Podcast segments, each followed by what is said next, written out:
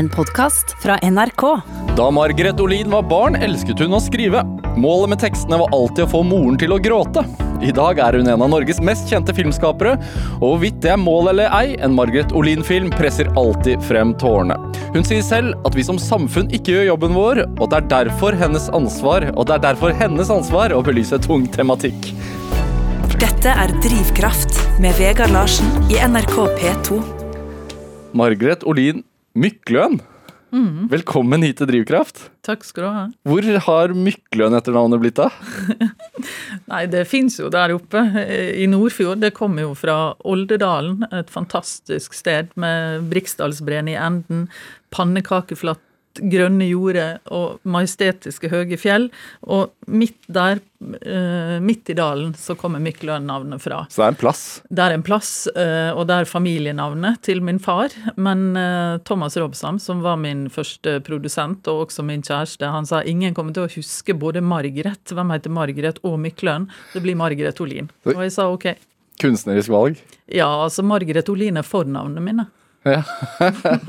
så du, du, ja, det er egentlig bare fornavnet? Ja, det er som Morten Abel. Ja, så, ok, ja, så Mykløen står i passet? Ja. Ja. Mm. Og på regningene mine. Og, ja. ja.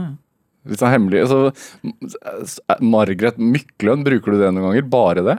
Nei, ikke nå lenger. Jeg var MM veldig lenge, og så var jeg MOM, men nå er jeg MO. Mm. Ja, men for å tenke sånn for å gå litt under radaren? ja. ja. Det har jeg ikke tenkt på. nei, nei. Nei. nei. Men, men eh, altså Som jeg sa i introen her, eh, litt stokkete. Tunga mi stokka seg tydeligvis, men det er, det er mye Det er mye tung tematikk i filmene dine. Det er det. Eh, og i tekstene som du har skrevet også. Men så da lurer jeg på altså, Hender det at at du drar på deg liksom joggebuksa, finner frem ostepopen, setter deg i sofaen, skrur på Paradise Hotel og liksom koser deg? Det var mye ostepop i 20-åra. Ja. Paradise Hotel har jeg aldri skrudd på. Men jeg skrur på andre ting, eh, sikkert. Jeg er ikke sånn eh, Som hva? Nei, det er vel kanskje da hvis jeg Altså, jeg ser jo mye sånn TV-serier, men eh, de ligger kanskje ikke så mye i sånn Paradise-segmentet. For meg i dag så er det, altså det er torsdag. En stor dag i, hjemme hos meg. For i dag så er det en ny episode av 71 grader nord kjendis. Har, har du det sånn? Nei. Nei. Nei, det har ikke jeg.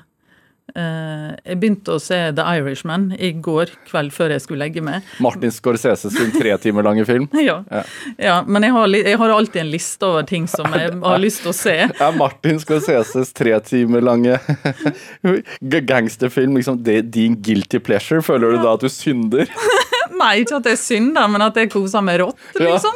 Og det er vel det som er poenget, da. Eller at man liksom at man har Men jeg, jeg drar på meg joggebuksa både når jeg trener og ellers òg, liksom. Eller jeg går mer sånn i sånn morgenkåpeting, da. Jo, men nå tenker jeg mer sånn Altså, Jeg liker liksom tanken på at Margaret Olin liksom fråtser i sånn eh, Hva skal man si? Dum underholdning. Ja. Det skjer ikke? Jo, altså Nei, altså når jeg skal liksom sånn slappe av, så hører jeg på musikk, da.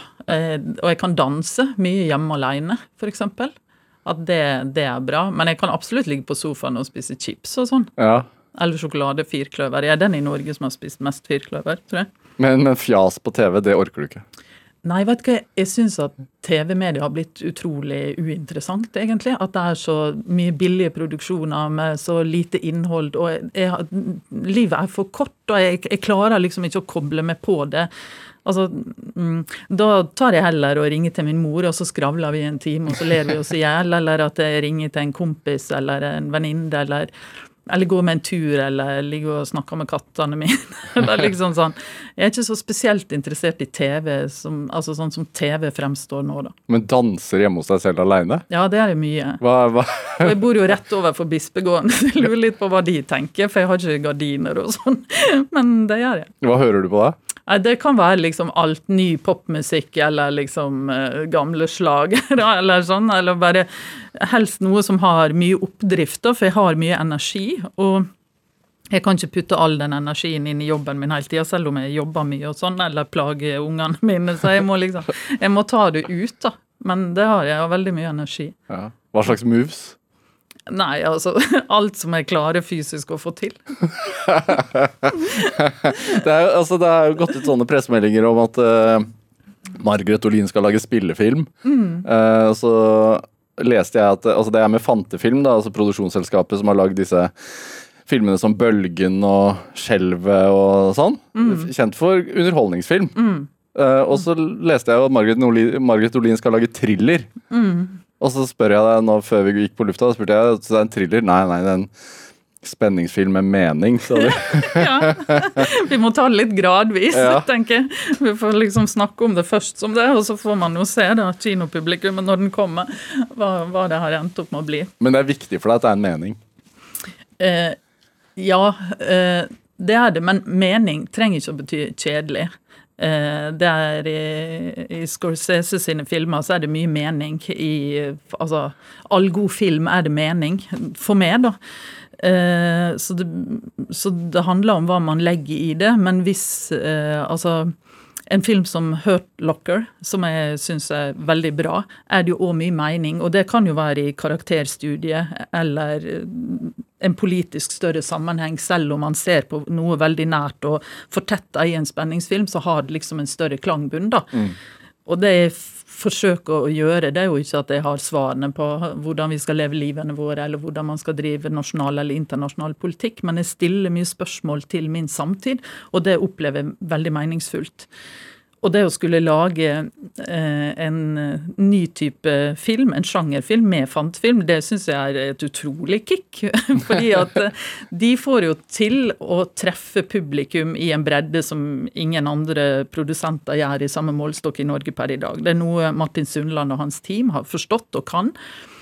Mm, og jeg tenker jo litt på meg selv som dokumentarfilmens fantfilm, om du skjønner hva jeg mener. Selv om jeg lager mørke og litt tunge filmer, så blir de sett av mange. Ja, du er den eneste dokumentaristen som trekker et ganske stort publikum til kino for å se dokumentar. Ja, det er jeg. ikke sant? Og de trekker mange for sine type filmer. Så hvis vi kan liksom hvis jeg kan lære noe av fantfilm, og hvis jeg kan få til å lage en film som jeg er interessert i, liksom med den kompetansen de har, så er det noe som gjør at jeg tenker at jeg kan utvikle meg som filmforteller. Ja. Og får jeg muligheten til det, så da sier man ja, vet du. Eller jeg sier ja, da.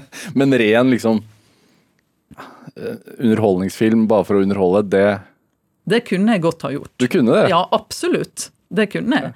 Så eh, Er, det, er, kunne er det noe nytt? At du kunne ha gjort det nå? Nei, nei det, det er det nok ikke. Jeg vil jo påstå altså det, er noe, det er litt mening i den òg, men min første film, en eksamensfilm, i 'Kjærleikens hus', som handler om et destruksjonsanlegg på Sunnmøre. Og fabrikkarbeiderne gutta på gulvet, fem stykker der, liksom, de var jo helt sånn fantastiske til å fortelle historier om bedriftens liv og levnet, som var sånn galskap og crazy eh, liksom humor. Eh, og den er jo egentlig for å underholde, men det er jo klart at eh, den filmen kunne jo ikke vises på TV fordi at eh, så man hva vi putta i destruksjonsanleggene før vi begynte å produsere betong av dette. Da førte man det inn igjen i næringskjeden. Så det ligger jo en samfunnskritikk der. Ja. Men man kan likevel bruke underholdning som elementer. ja. Mm. hvis du skulle laget en Margaret Olin-komedie, da, som, som Altså som skulle ha brukt de elementene som får deg til å le, hva, hva skulle den handlet om da, tror du? uh, nei, altså Jeg gjorde en oppsetning på Nationaltheatret hvor Anne-Marit Jacobsen spiller hovedrollen. Og første akten der, det er komedie, og så var andre akten tragedie. Det var nydelig. Hva, hva het den? Eh, jo fortere jeg går, jo mindre er jeg, som var basert på debutboken til Kjersti Skomsvold. Eh, så det å liksom da få dyrke frem Anne-Marit sin sånn eminente måte å, liksom Altså hun er jo en stor eh, komiker. Og jobbe med det, og så skrudde vi det til i andre akten. Ja, For det handlet jo om å bli gammel og visne bort og miste mannen sin og sånne ting. Ikke sant? Men hun var òg litt sånn i en parallell virkelighet, og hun hadde et skråblikk på samfunnet og på seg selv. og ja. Så, så lo publikum masse da i første akt, og så gråt de på slutten. Da Da er det sånn det skal være. Og det liker du. Dette er Drivkraft med Vegard Larsen i NRK P2. Og i dag så har vi filmskaper Margaret Olin her i Drivkraft. Du er fra Stranda, Sunnmøre. Vi har vært eh, så vidt innom det. Altså en plass eh, som heter Mykløen der oppe. Ja, det, det, altså Jeg vokste opp på Stranda på Sunnmøre, men foreldrene mine er begge nordfjordinger. Ja. Så Mykløen det er i Oldedalen, så det er liksom Sogn og Det var helt geografisk feil ennå, da. Ja, det, Ja. dette var helt på jordet. Men- så jeg, jeg kom fra Møre og Rom... Eller jeg Sånn vokste opp på Møre og Romsdal, i Møre og Romsdal vokst- på Sunnmøre. Vi som har vokst opp på, i Østfold eller på Østlandet, vi, vi har så dårlige geografikunnskaper. Ja. Men, men altså, beskriv stranda. Stranda hmm, Det folk forbinder med Stranda i dag, er jo eh, pizza Grandiosa. Det er Stranda. Ekte kjærlighet. Så er det Stranda, altså fjellet, eh, skisport. Eh, Før var det møbelindustri. Stranda var, når jeg vokste opp på tidligere tider, en industriplass. Det er det jo dels fortsatt. Det betyr at det kommer mange tilflytta til Stranda fra ulike deler av Norge, men også fra andre land, eh, og jobba der. Um, når jeg var liten, så dreiv Eller foreldrene mine når jeg var liten, de jobba på Stranda handelslag i en murkoloss ned, som ligger mellom kirka og Storfjorden. Er det kolonialforretning, eller? Ja. Men den tiden var det òg manufakturavdeling. altså de de hadde klær, og de hadde kraftfôr i kjelleren, så alle bøndene handla på handelslaget. Det var kjøpesenteret på stranda. Ja, det var på en måte det. Og man hadde leike, man solgte leike også. Og på handelslagshjørnet så hengte min far hver uke opp filmplakater til eh, kinoen eh, på, på Stranda. Så det var liksom en sånn sentral, det var der liksom alt skjedde. Og i andre etasjen så var det Grand Café, som var Emma Norbakk som drev det. Hun var ikke gift, hadde ikke egne barn, men hun var en driftig forretningskvinne. Hun var min beste venninne. Og i tredje etasjen, der bodde vi i den ene enden, jeg, foreldrene mine og min to år eldre søster, og så bodde Emma i den andre enden. Og før jeg klarte å gå, egentlig, så akte jeg meg inn til Emma. Sånn bare på bleie. Eh, så oppveksten min var Jeg slutta jo i barnehagen fordi jeg ikke likte meg der. Jeg syns egentlig at sånn jevnaldra var litt skumle, og det var uoversiktlig å være sånn midt i en mengde av barn. At jeg likte bedre å være sammen med ja, voksne og, og eldre folk. Da. Jeg likte å bli tatt på alvor. Det er jo litt rart, men jeg gjorde det.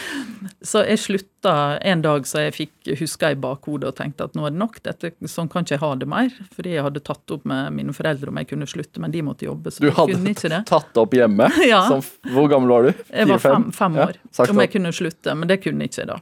Og da men da sneik jeg meg ut, og så gikk jeg ned til Emma, og så spurte Emma om jeg kunne få lov til å være hos henne mens foreldrene mine var på jobb. Og det sa hun ja til. Og Ja. da gikk jeg ned til mamma på butikken og sa at jeg hadde skaffa meg en plass å være, og så fikk jeg være på Grand og ble Strandas yngste kafédame.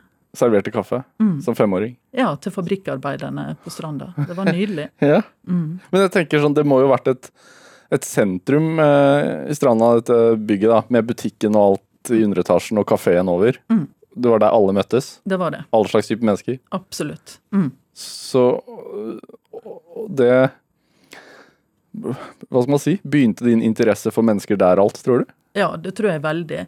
Og det som var på Granda, altså Emma var liksom nyhetssentralen i Stranda. Hvor mange, hvordan så det ut på Gran?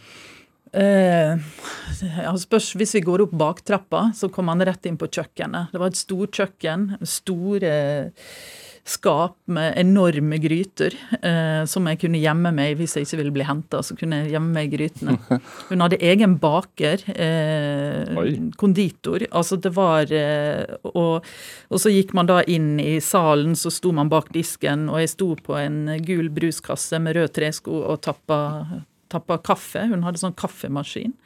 Og så var det da eh, Selve kafeen er som en L, med utsikt da mot Stranda sentrum og over til banken og over til rådhuset og ja, kirka og kirkegården. og For sånn westernfølelse ja, når du prater om det på den måten.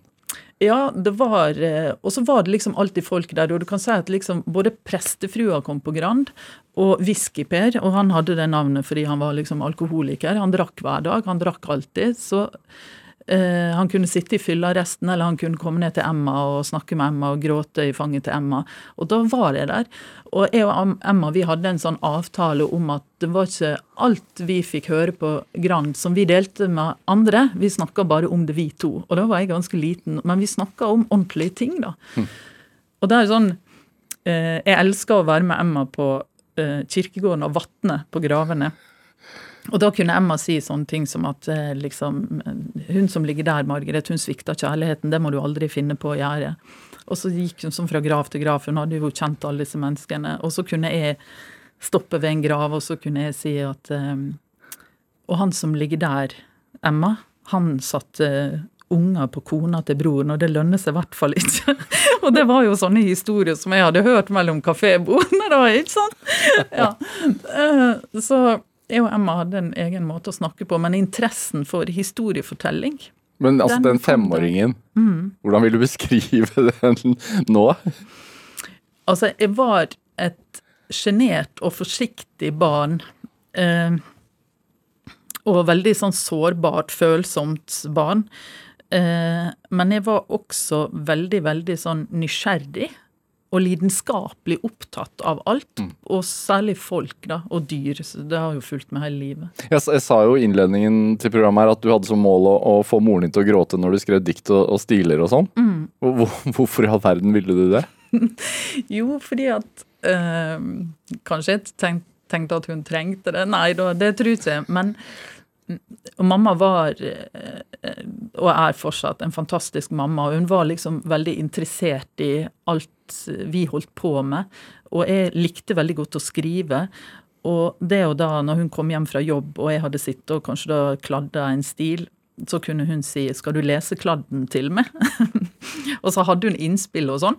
Eh, og da leste den, og da brukte jeg å sitte Vi hadde et sånt hjørne, eller har fortsatt et hjørne på kjøkkenet, og så sto hun sånn lent inntil skapdøra sånn, med hodet, og skrelte poteter. Jeg tror hun var så dritlei av å skrelle poteter, egentlig. Og så underholdt jeg henne på den måten av at jeg leste, da. Og da hadde jeg jo sånn sideblikk på mamma hele tida mens jeg leste, og tok sånne pauser og Hvordan går det med henne nå? Og så hvis hun da begynte å gråte, eller liksom bare slapp det hun hadde i hendene og så på meg og sa hvordan kan du Har du opplevd dette her, eller hvor kom dette her fra? Eller sånn. Det hadde jeg jo ikke, men det var jo fantasikrefter. sånn. Ja. Men den følelsen av å underholde, da, eller å, å engasjere sånn at at den som hører på, blir rørt, til og med. Mm. Er det Har du på en måte det drivet ennå? Altså er det liksom, har det fulgt deg? Sånn, mm. ønsker, altså, den applausen du på en måte fikk allerede den gang, da? Mm. Ja, jeg tror at det var viktig. Jeg tror at for alle fortellere, uansett når man starter, så er det å liksom ha et publikum, mm. og at det kan starte for mange barn der med en av foreldrene eller noen man er nær. Eh, det tror jeg er helt avgjørende, egentlig. Og det, man får et slags sånn indre kompass om liksom Når ble mamma eh, berørt? Når ble hun opprørt? Når sa hun at 'dette er ikke bra nok, Margaret, ta en runde til', skriv en runde til'.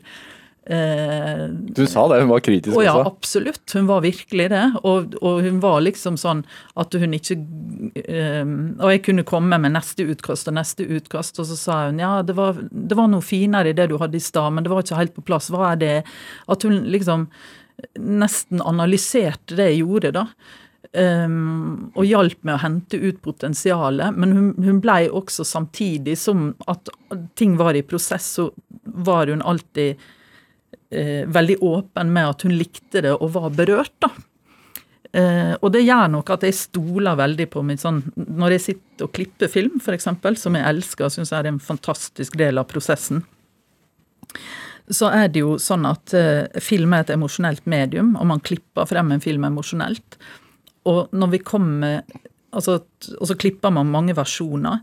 Og da er det sånn at jeg kjenner det i magen om vi er der. Og jeg tenker jo at det som berører meg, kommer til å berøre det og eventuelle andre. At vi mennesker er ikke så ulike som det som Altså, det som berører meg, berører også mitt publikum, da. Um, og at jeg styrer veldig etter det mm. i klipp, f.eks. Så hvis jeg da plutselig ser en versjon og jeg ikke er berørt, så bare vet jeg at her er det noe som er grunnleggende feil. Vi må begynne å stokke fra start igjen. ikke sant? Og så noen ganger så er det veldig små ting som skal endres, og så flyter det på. Men Det, det, det tenker jeg på altså sånn eh, Når du, når du lager film, eh, dokumentarer Eh, og sånn som i, i sist tilfelle her, da, med selvportrett, som handler jo om, om en, en, forferdelig sykdom. Og, og, i den filmen så, så, må du jo bli veldig involvert i, i Lene Marie Fossen som, som, person, og du blir glad i henne, men samtidig så skal du tenke filmfag og fortellerteknikk samtidig, og så skal du sitte i klipperommet også og gjøre avgjørelser. Er, er, hvordan er det? Altså Altså Når det gjaldt å lage filmen om Lene, så var Altså Lene var en modig og sterk kunstner. Og hun forsto fortelling. Hun er også veldig flink til å, å Altså, hun tar jo bilder som holder en veldig høy klasse. Men hun også, var også flink med ord. Eh, hun var flink til å skape indre bilder når hun forteller om anoreksi, som at det er en brennende bygning som du ikke finner en vei ut av, eller det er som å leve med et naziregime i egen kropp. Eh, sånn at det å jobbe frem filmen om Lene, så jeg og Lene kunne prate om absolutt alt, men vi hadde også en ordløs kommunikasjon fordi at vi forsto hverandres fag. Sånn at, eh, Og det kunne hun si til meg ofte. sånn, Jeg trenger ikke å forklare til det, Margaret, for du bare forstår. Og så kunne jeg si akkurat det samme til henne. Sånn at um, Når det gjaldt å lage filmen om Lene, så var ikke det så vanskelig i forhold til, til akkurat det. Uh, fordi at det er også en film om anoreksi, men først og fremst er det en film om en ung kunstner og det å skape og hennes skaperkraft. Og det å se bak en alvorlig diagnose og prøve å se hele det mennesket og hvem hun egentlig var. da. Og da må man jo bruke alle de verktøyene man har i verktøykassa for å prøve å jobbe frem den fortellingen og finne frem til det mennesket. Men det som er tungt, eh, og det er jo at man bli glad i noen. Og Lene var jo en umistelig datter og en umistelig venn for oss tre, Espen Wallin og Katja Høgseth, som har lagd denne filmen sammen med meg. Mm. Um, og på et tidspunkt Vi trodde jo at vi skulle lage filmen om hun som kjempa seg ut av sykdommen. Ja, at suksessen, om suksessen også, fordi hun, ja. hun oppnår en suksess i filmen som hun ikke har hatt tidligere, også som fotograf. Absolutt. ikke sant? Og det begynte å gå veldig bra for henne, og hun tenkte at hun ikke trengte sykdommen mer, for hun opplevde jo at hun trengte den. Mm. Eh, men så kommer denne ulykken, og anoreksi har også en indre, svært ødeleggende dynamikk. En sånn, det er en utrolig sånn brutalitet i den sykdommen. Eh, så hun klarte ikke å kjempe seg ut, og det er på et tidspunkt å forstå. fordi i det øyeblikket man går inn i det prosjektet, så vet man at døden er helt nærværende. Men det å forstå da at Lene, 33 år gammel, kom til å dø, mm. Og at samtalene vi hadde, jeg og Lene, slutta å handle om livet og det å skape. Om hva er det som driver en. Altså alt det som vi på en måte delte, da. Til å måtte begynne å snakke om døden. Og når er du klar til å slippe, når du forstår at kroppen er i ferd med å kollapse? Og det å gi opp livet, som hun var så enormt glad i. Og jeg tror at alle som skaper, da um, Altså, vi skaper jo Alle mennesker skaper, og vi skaper ulike ting, men det å liksom være en kunstner, så ligger det en sånn ydmykhet og en glede over livet i bånn. Og den hadde Lene utrolig sterkt, da. Hun sier jo i filmen at, at livet er en en nydelig, gåtefull gave eh, som vi får, men ikke alle klarer å leve det. Og det kjenner jeg også igjen, fordi at i min oppvekst så var jeg mye syk. Um, du var mye syk? Jeg var mye syk, ja. Hva slags syk? Uh, jeg hadde, altså Hvis det hadde vært nå, så kanskje de hadde prøvd å putte meg inn i en sånn spiseforstyrrelsesdiagnose. Jeg veit ikke, men da det var ikke det når jeg var liksom, i 82. Jeg er født i 1970, så da var det nerver. De sa at Margaret har nerver, hun kommer til å vokse da av seg. Men, og det hadde jeg nok, men eh, altså det at det, den, Når Lene i filmen snakker om at hun er et veldig følsomt barn, at hun tar alt inn, at hun var veldig mye engstelig og sånn, så var jeg også det. Men jeg var jo ikke engstelig fordi at jeg ikke hadde en god familie rundt meg. Men jeg var liksom engstelig for livet selv, eller liksom det å prøve å forstå og begripe livet, da. Eh, men det er jo min gave som et skapende menneske. Men når jeg var liten, så var det òg ganske sånn destruktivt, på en måte. Så jeg, jeg hadde veldig mye sånn mageproblemer hele tida. Hva var du bekymret for, da? Nei, altså det var sånn at For meg så var det å f.eks. se på nyhetene at det fantes barn i verden som var utsatt for overgrep, og som som sulta og sånn, altså det kunne ta fra meg søvnen, da. Mens for andre barn så er det jo ikke sånn.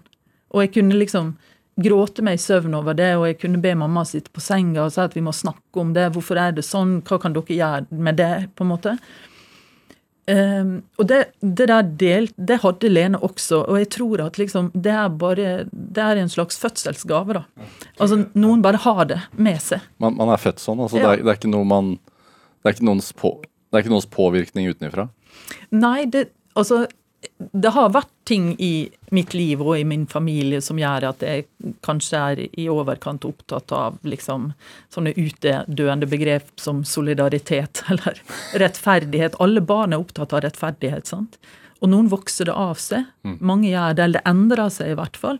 Mens for meg så ble, hadde jeg blitt stående som en sånn grunnpilar som jeg det er et slags kompass. da, sånn at Hvis det er noe i min samtid eller er noe i mitt land eller i mitt nærmiljø som liksom bryter mot det, så klarer jeg ikke å la være å engasjere meg. liksom. Men sånn, en slags sånn hudløshet da, som Ja. man allerede har som barn? Ja, den, ikke sant? Jeg tenker jo på barn som sånne åpne sanseorgan, at de klarer ikke å filtrere. sant? Fra null til tre år, og særlig det første året, så klarer ikke barnet det. Og det er jo noe som vi har mista som kontakt med barnet. Nå bærer man jo barn i bæresele med ansiktet mot verden på et kjøpesenter f.eks. når de er altfor små. Ja. Mens tidligere så svøpte kvinnene barnet og bar det inn til seg. Og det er det man skal gjøre, fordi de har nemlig ikke den evnen til å filtrere inntrykk. da. Og for meg Jeg måtte bli liksom voksen før jeg klarte det. Tror du at det var derfor du droppet ut av barnehagen også? Ja, det tror jeg. Jeg tror at liksom det kaoset med så mye barn, og liksom sånn, og det blir behandla Altså den flokkmentaliteten som var der, at jeg trengte å bli liksom forstått og sett i øynene og være nær, da, på en måte som, som ikke var der. Er det jeg, jeg tenker, du har jo lagd Altså stort sett nesten alle filmene dine handler jo om outsideren eh, på et eller annet vis. Og, og har du selv følt deg som en outsider pga. dette her, eller har du trukket mot å være aleine, eller Jeg, sa alltid før liksom at ensomhet er mitt tema, og at det er liksom det som er At dette livet, da Jeg vet ikke om det er flere, men, men at det er liksom det temaet jeg kommer tilbake til hele tida. Og så vokste jeg jo opp og med mammas yngste bror, Reidar, eh, som hadde Downs syndrom. Mm, og fortellingene om det at Reidar ble sendt på Solbakken, eh, hvordan fordommer ikke ligger innbakt i en vanskelig livssituasjon, men i øynene hos den som ser. Altså det å vokse opp med Reidar som en utrolig sånn glad og varm person som det alltid var mye moro rundt. Eh, og det å liksom Og at jeg ikke tenkte på når jeg var liten at Reidar var annerledes enn oss andre, men så da komme opp i en alder når jeg er sånn sju, åtte, ni år, og se når vi er ute blant andre, de blikkene som Reidar fikk på seg, det var også veldig sånn eh, definerende for meg. Og det er jo en sånn busstur som jeg har fortalt om mange ganger, hvor, jeg da, hvor eh, Reidar får disse blikkene, og jeg og Reidar skulle ta bussen alene fra Stranda da, inn i Horningdal, der som mormor bodde. Og noen damer kom bort og liksom tar meg på skuldra og klapper meg på skuldra som at jeg trengte trøst og var flink som var sammen med han. Og da sier Lene Reidar seg bort til meg og sier du veit, Margaret, jeg er ikke som alle andre. Og da tenkte jeg, og det kan jeg veldig klart sånn huske, jeg husker hva jeg hadde på meg også. Jeg husker liksom sånn hvor varmt det var på bussetet, for det var liksom sol i bussvinduene. Jeg hadde på meg et hvitt skjørt med sommerfugler på. Og jeg satt der og jeg liksom prøvde å ikke gråte. Og da husker jeg tenkte at en dag, Reidar, så skal jeg fortelle dem hvem du var, eller er. Fordi at hvis de hadde sett det sånn som jeg ser det, at du er verdens beste onkel, hvis de hadde bare visst Og min første film heter Onkel Reidar. Og det er litt sånn, jeg tenker Hvis man ser på filmografien din, så handler det jo om det. Det handler jo om at, eh, at eldre blir sett Altså Du vil at eldre skal bli sett som mennesker, ikke bare eldre. Eller at flyktninger skal bli sett på som mennesker, ikke bare flyktninger. At et narkoman blir sett på som et menneske og ikke bare en narkoman. Og at man ser en med Downs syndrom som et menneske, og ikke bare en med Downs syndrom. Ja. Så Reidar er liksom med meg Ja. hele tida, liksom. Jeg har en pågående dialog med Reidar. Det har min mor også. Altså Reidar er død nå, da. Men det er Jeg hadde, jeg hadde vært forteller, selv om jeg ikke hadde vokst opp med Reidar. Men jeg hadde fortalt andre historier. Det tror jeg. Mm, Hva slags, da? Kanskje, kanskje lettere historier, og kanskje ikke alltid det outsider-perspektivet. Eh, Men det er ikke sånn Nå blir jeg 50 år snart. Det er jo ikke sånn at jeg trenger å gjøre det alltid heller. Men jeg lagde jo barndom nå før jeg gjorde selvportrett. Mm, og jeg lagde 'Mannen fra Snåsa', og, og kalte 'Mannen fra Snåsa' min første feel good-film. Og det var det jo òg. Ja. Men Joralf er jo òg på sitt vis en outsider. I barndom så er det jo å prøve å peke på eh, lekens, ja, lekens betydning i barndommen, og noe godt, noe vi er i ferd med å miste, noe vi må ta vare på. Så jeg evna også å gjøre annet, og jeg tenkte jo etter Snåsa og barndom at nå skulle jeg liksom bevege meg inn på en ny akse. Og så kommer prosjektet Lene Marie Fossen og det som Espen da hadde, hadde jobba med i to år før han kom til meg. Eh, og da klarte jeg ikke å la være. For Nei. da er det noe som tangerer hvem jeg er og hva jeg tror på. Er, man skal jo se henne som kunstner og menneske, og ikke bare som, Mm, som syk. som syk. Syns vi skal spille litt musikk jeg, fra den filmen. Ja. Eh, Susanne Sundfø bidrar med musikk til, til selvportrett. Mm. Det er ikke hvilken som helst artist å få med seg. Nei, og hun og Lene Marie var jo venner, så hun skrev Hun har egentlig komponert da det aller meste av musikken til filmen. eh, Og så skrev hun en låt, en sang, til Len Marie som heter 'When the Lord', som er den. Ja.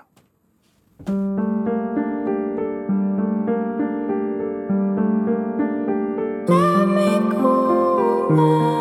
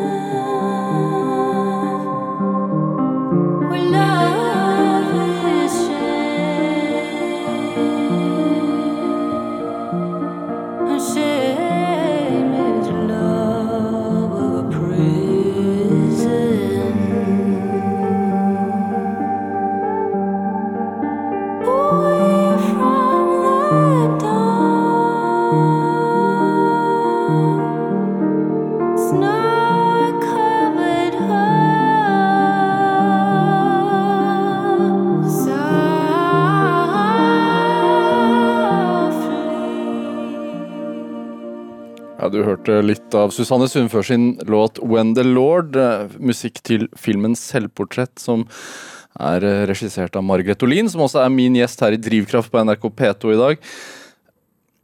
Margaret, altså øh, Du har hørt denne låten mange ganger. Er det fremdeles sterkt å høre den? Det er det.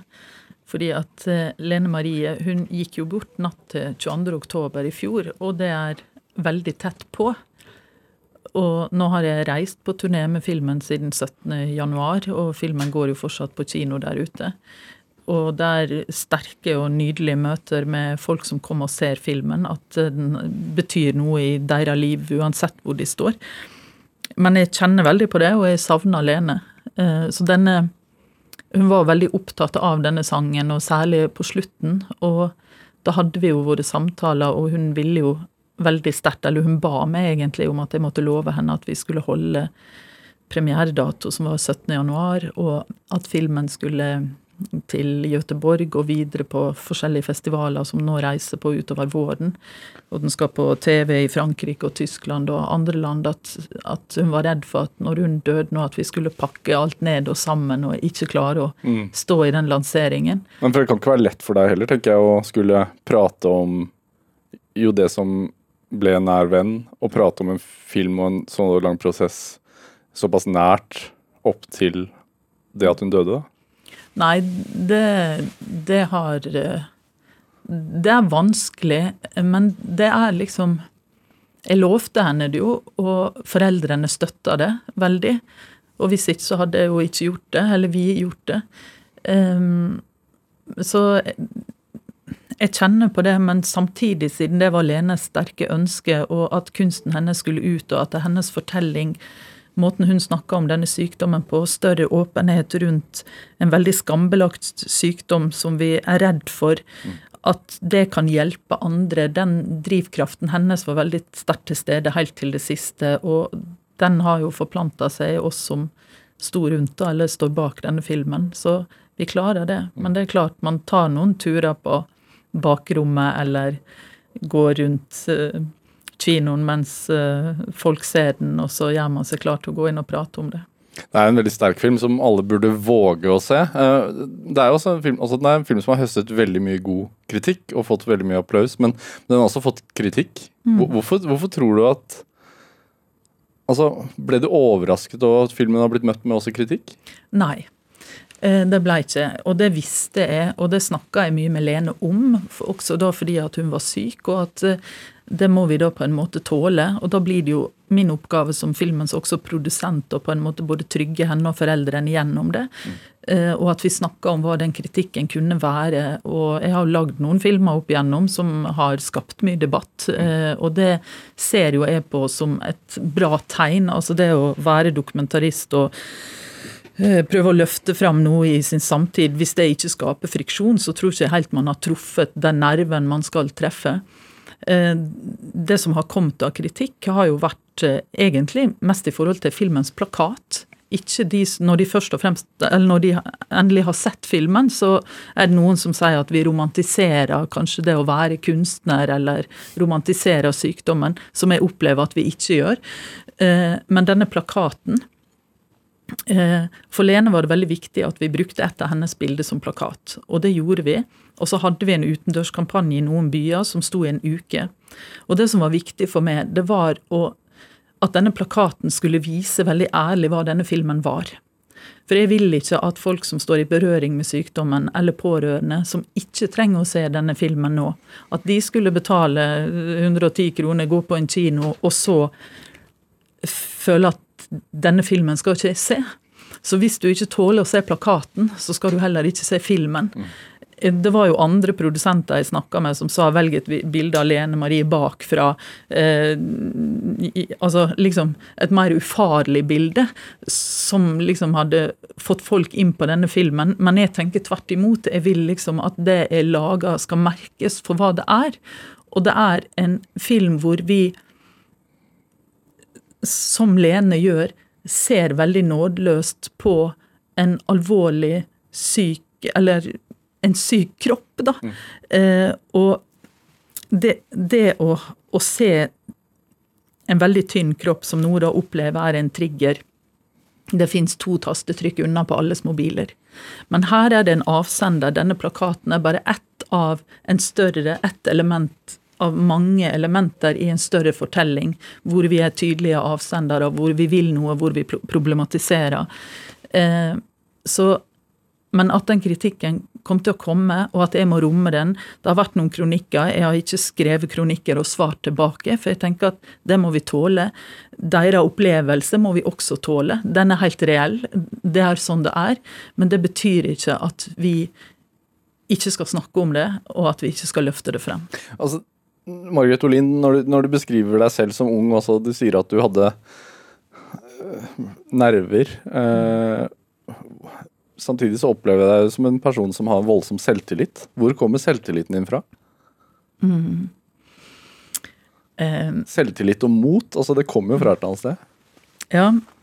Ehm, det en ting som ble veldig avgjørende for meg i, i forhold til det å være et forsiktig og nervøst barn som ikke var noe flink på idrettsbanen, f.eks. Det er jo det ungdom driver med på Stranda. De driver med idrett. Det er liksom ikke sånn at det er en sånn kulturbygd, først og fremst. Da må man kanskje til Volda eller noe sånt. Ehm, men jeg begynte med hest når jeg var ti år. Jeg forelska meg dypt og inderlig i en eh, hvit araber, en fullblodsaraber, som het Fidel. Eh, og jeg jobba en fjell, så da jeg var 17 år, så ble han min, og den hesten fulgte meg i 29 år. Men i de tenårene mine så trente jeg å reie ut eh, galopphest nesten daglig. Som da noen ganger til sommeren så fulgte jeg den ned på Øvrevoll, og så gikk de løp her. Fidel gjorde jo også det, han var sprinter og vant løp på Øvrevoll. Og du var sped og, og egentlig litt redd. Ja, jeg var en veldig tynn jentunge. Eh, men det å liksom fra å ikke klare å skåre mål på håndballbanen, det å mestre en hingst f.eks. på 600 kg i full galopp, Ja. det gjorde noe med selvtilliten min. Eh, og det tror jeg det er for mange jenter. Altså hva er det med jenter og hest, på en måte. Men det å Ja, da blir man litt sånn uovervinnelig. Altså Etter hvert så fikk jeg mye ansvar på det stutteriet hvor jeg tilbrakte veldig mye av tiden min. Jeg tok imot følgen og hoppende følger uten at det var liksom voksne til stede. Jeg leide hingster som var farlige for mannfolk, for de var sånne alfahingster, til bedekning. Altså Jeg hadde veldig mye sånn ansvar. Det var 30 hester til og fra på den stallen som jeg liksom leide ut eller rei ut sammen med andre ungdom da, som, som jobba og brukte tiden sin der. Mm, så mye av selvtilliten min tror jeg rett og slett jeg har derfra. Men også når jeg begynte å lage film. ikke sant? Jeg gikk i Volda. Eh, Jeg hadde lærere som var ganske sånn nådeløse med meg. De sa 'vi forstår ikke hva du gjør'. Um, hvorfor ikke du mer opptatt av å lage nyhetsinnslag? Jeg lagde mye rare kortfilmer og sånn. Em, og, det, og de kunne si 'du må ikke bli self-indulgent', ikke sant? Altså, Og så rettet du kameraet mot deg selv og kledde deg naken. Ja, ikke sant? litt sånn- Og, og, jeg, og, og jeg tror at hvis lærerne mine hadde møtt meg litt mer åpent, så hadde norsk offentlighet blitt skåna for kroppen min. Da hadde jeg gjort den mens jeg gikk på skolen, men jeg venta til jeg var ferdig, og så lagde jeg mitt selvportrett da. da. Eh, men uh, den ble jo sett av mange på kino, den, og særlig på Stranda. Det er jo morsomt. det er jo morsomt. Uh, men eh, når jeg da begynte å lage film, 'Onkel Reidar mjuke hendene', og filmene fikk jo fantastiske kritikker, og de vant mye priser, det skjedde, og for hver film jeg gjorde, så har jo selvtilliten vokst, selvfølgelig. Eller den troen på den stemmen, da, på en måte, at den er rettmessig, eller den kan få lov til å ta noe plass, eller ja. Ja, men du har aldri vært redd for å gå mot eh, strømmen, da, Nei. føler jeg.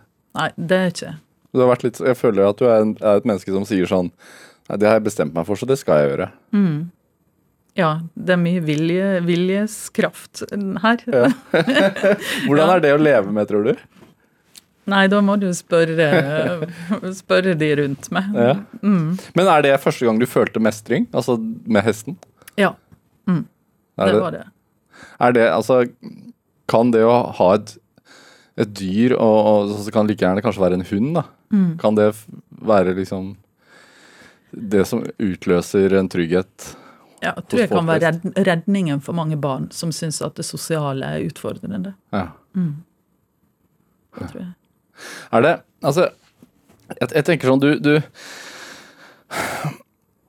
Du lager jo filmer om andre som kjemper, men, men, men du retter jo også eh, og så gå gjennom personlige kamper og sånn, men du har jo uh, ikke vært redd for å rette kameraet mot deg selv også, sånn som i kroppen, kroppen min. Men, men uh, For fem år siden så tok jo ditt liv en brå vending. Mm. Kjæresten din Roy fikk hjerneslag. Når du går gjennom en sånn personlig krise eller en kamp, er det som dokumentarist er det fristende å rette kameraet mot seg selv? Ja, jeg spurte Roy om det når han våkna fra koma etter nesten tre uker. Ikke med en gang. Det gikk mm, etter to og en halv måned cirka. Eh, og Roy begynte å liksom komme til seg selv igjen. Han var jo eh, innlagt på Ullevål i to måneder. Og så skulle han overføres til Sunnaas.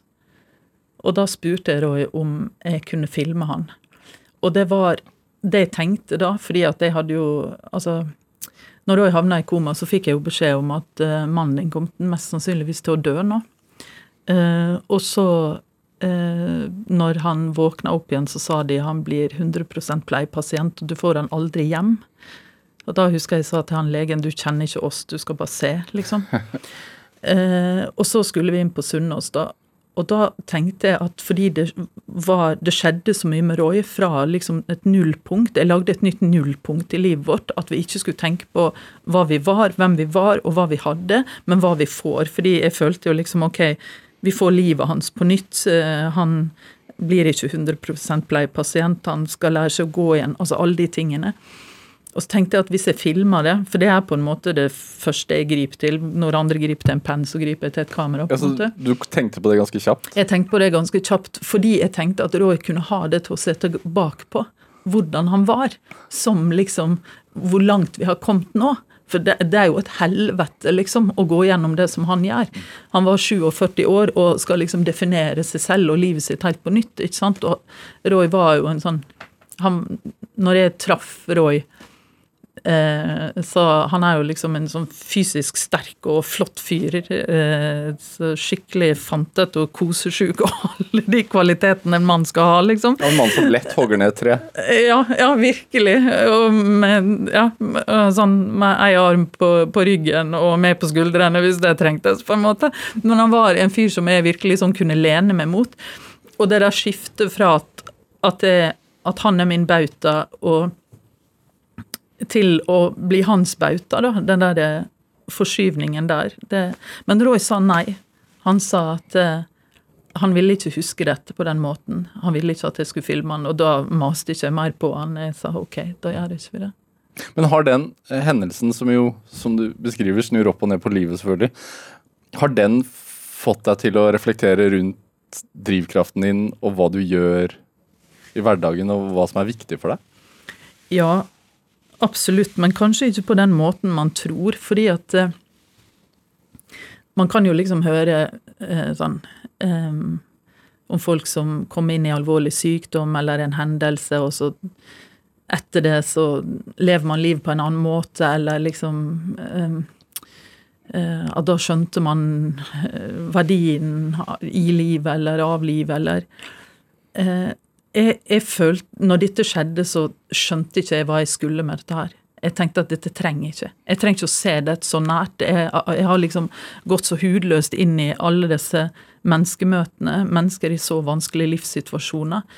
Jeg, jeg kan ikke bruke dette til noe, tenkte jeg.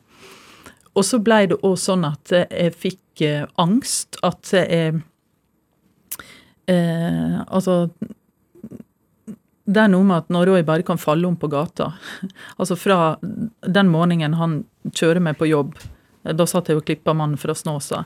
Og vi kyssa i bilen, og han kjører for han skulle til en kompis den helga i, i København. Eh, og så sto jeg og så etter han, for jeg er så dårlig på avskjeder. Så jeg sto og så liksom etter bilen vår, at han kjører av gårde. Og da kjørte på en måte min Roy, det som var Margaret og Roy, han kjørte ut av mitt liv, liksom. Han kom jo aldri tilbake. Og det har han jo heller ikke gjort. Det er en annen Roy, det er en annen Margaret, det er et annet liv nå. Um,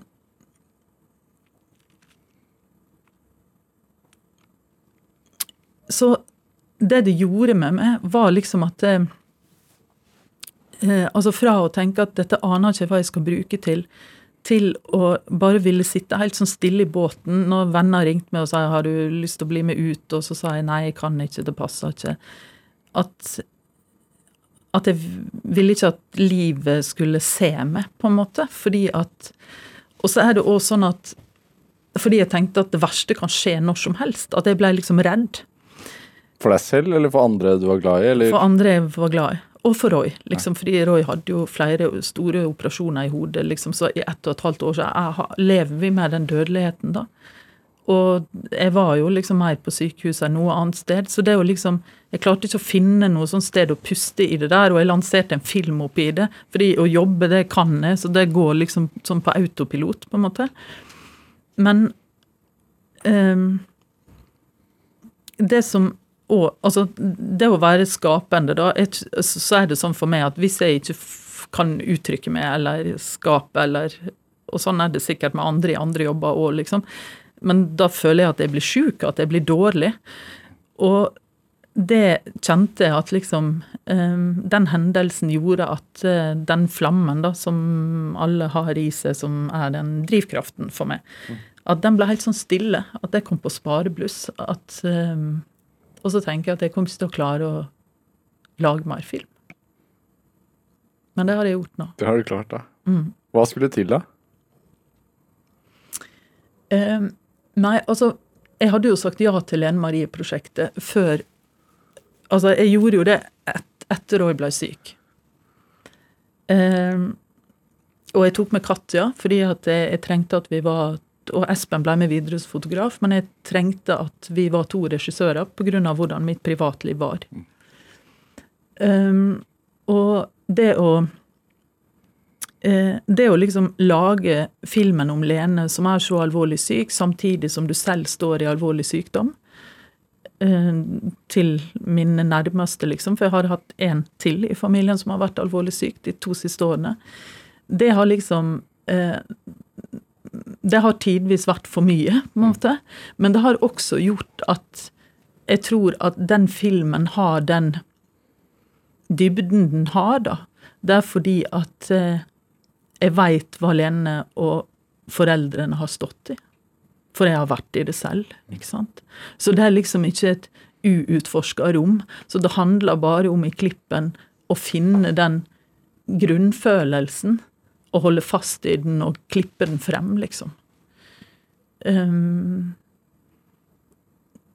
og det koster selvfølgelig, men det som jeg også kjenner at nå når filmen liksom ble ferdig, og den kom ut, og jeg elsker å møte publikum, de som ser det vi lager i dette tilfellet, da. eh, At det gir næring til at den flammen er ikke på sparebluss lenger. Den har begynt å sprake igjen.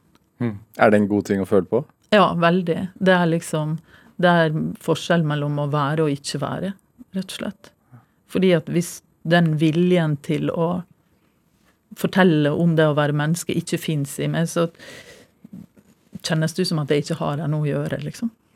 Jeg tenker jo også sånn selv om, det, selv om det er kanskje vanskelig å sammenligne, så tenker jeg at selvportrett handler jo om en, et menneske som er, er fanget i en syk kropp.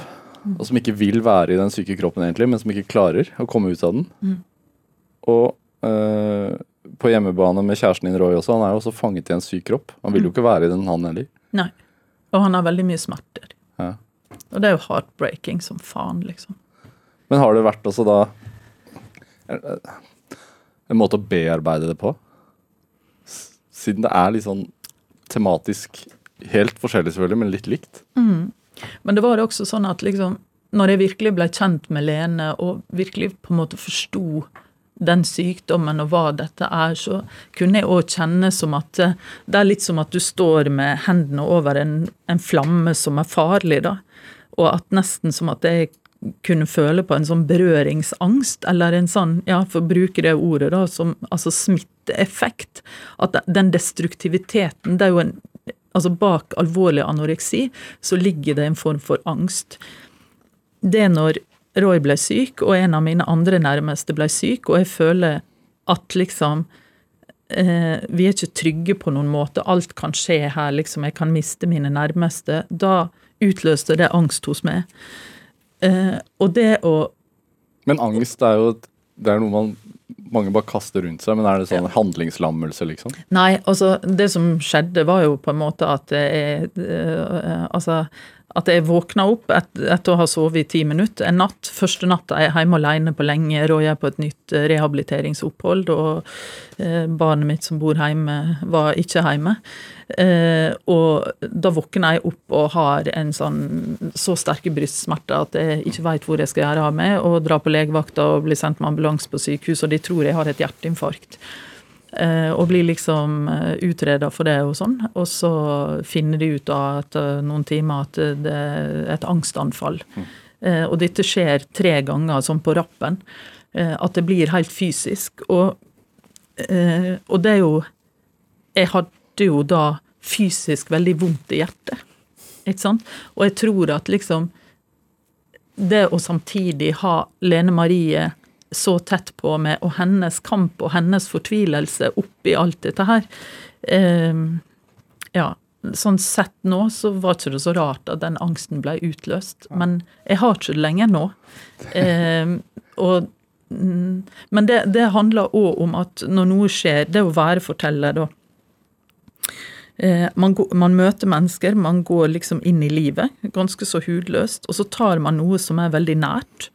Eh, jeg jo ikke alene om å være pårørende til noen som får slag.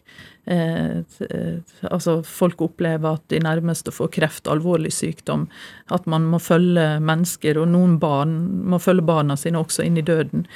Altså, eh, men det man gjør som forteller, det er også å ta noe som er nært og erfart av mange, og så elter man det, og så skaper man en fortelling og gir det tilbake til sin samtid. Eh, og det det har omkostninger. Og kanskje særlig dette prosjektet med Lene. Jeg er veldig glad for at du tar de omkostningene for oss, Margrethe Olin. Tusen takk for at du kom hit til Drivkraft i dag. Takk.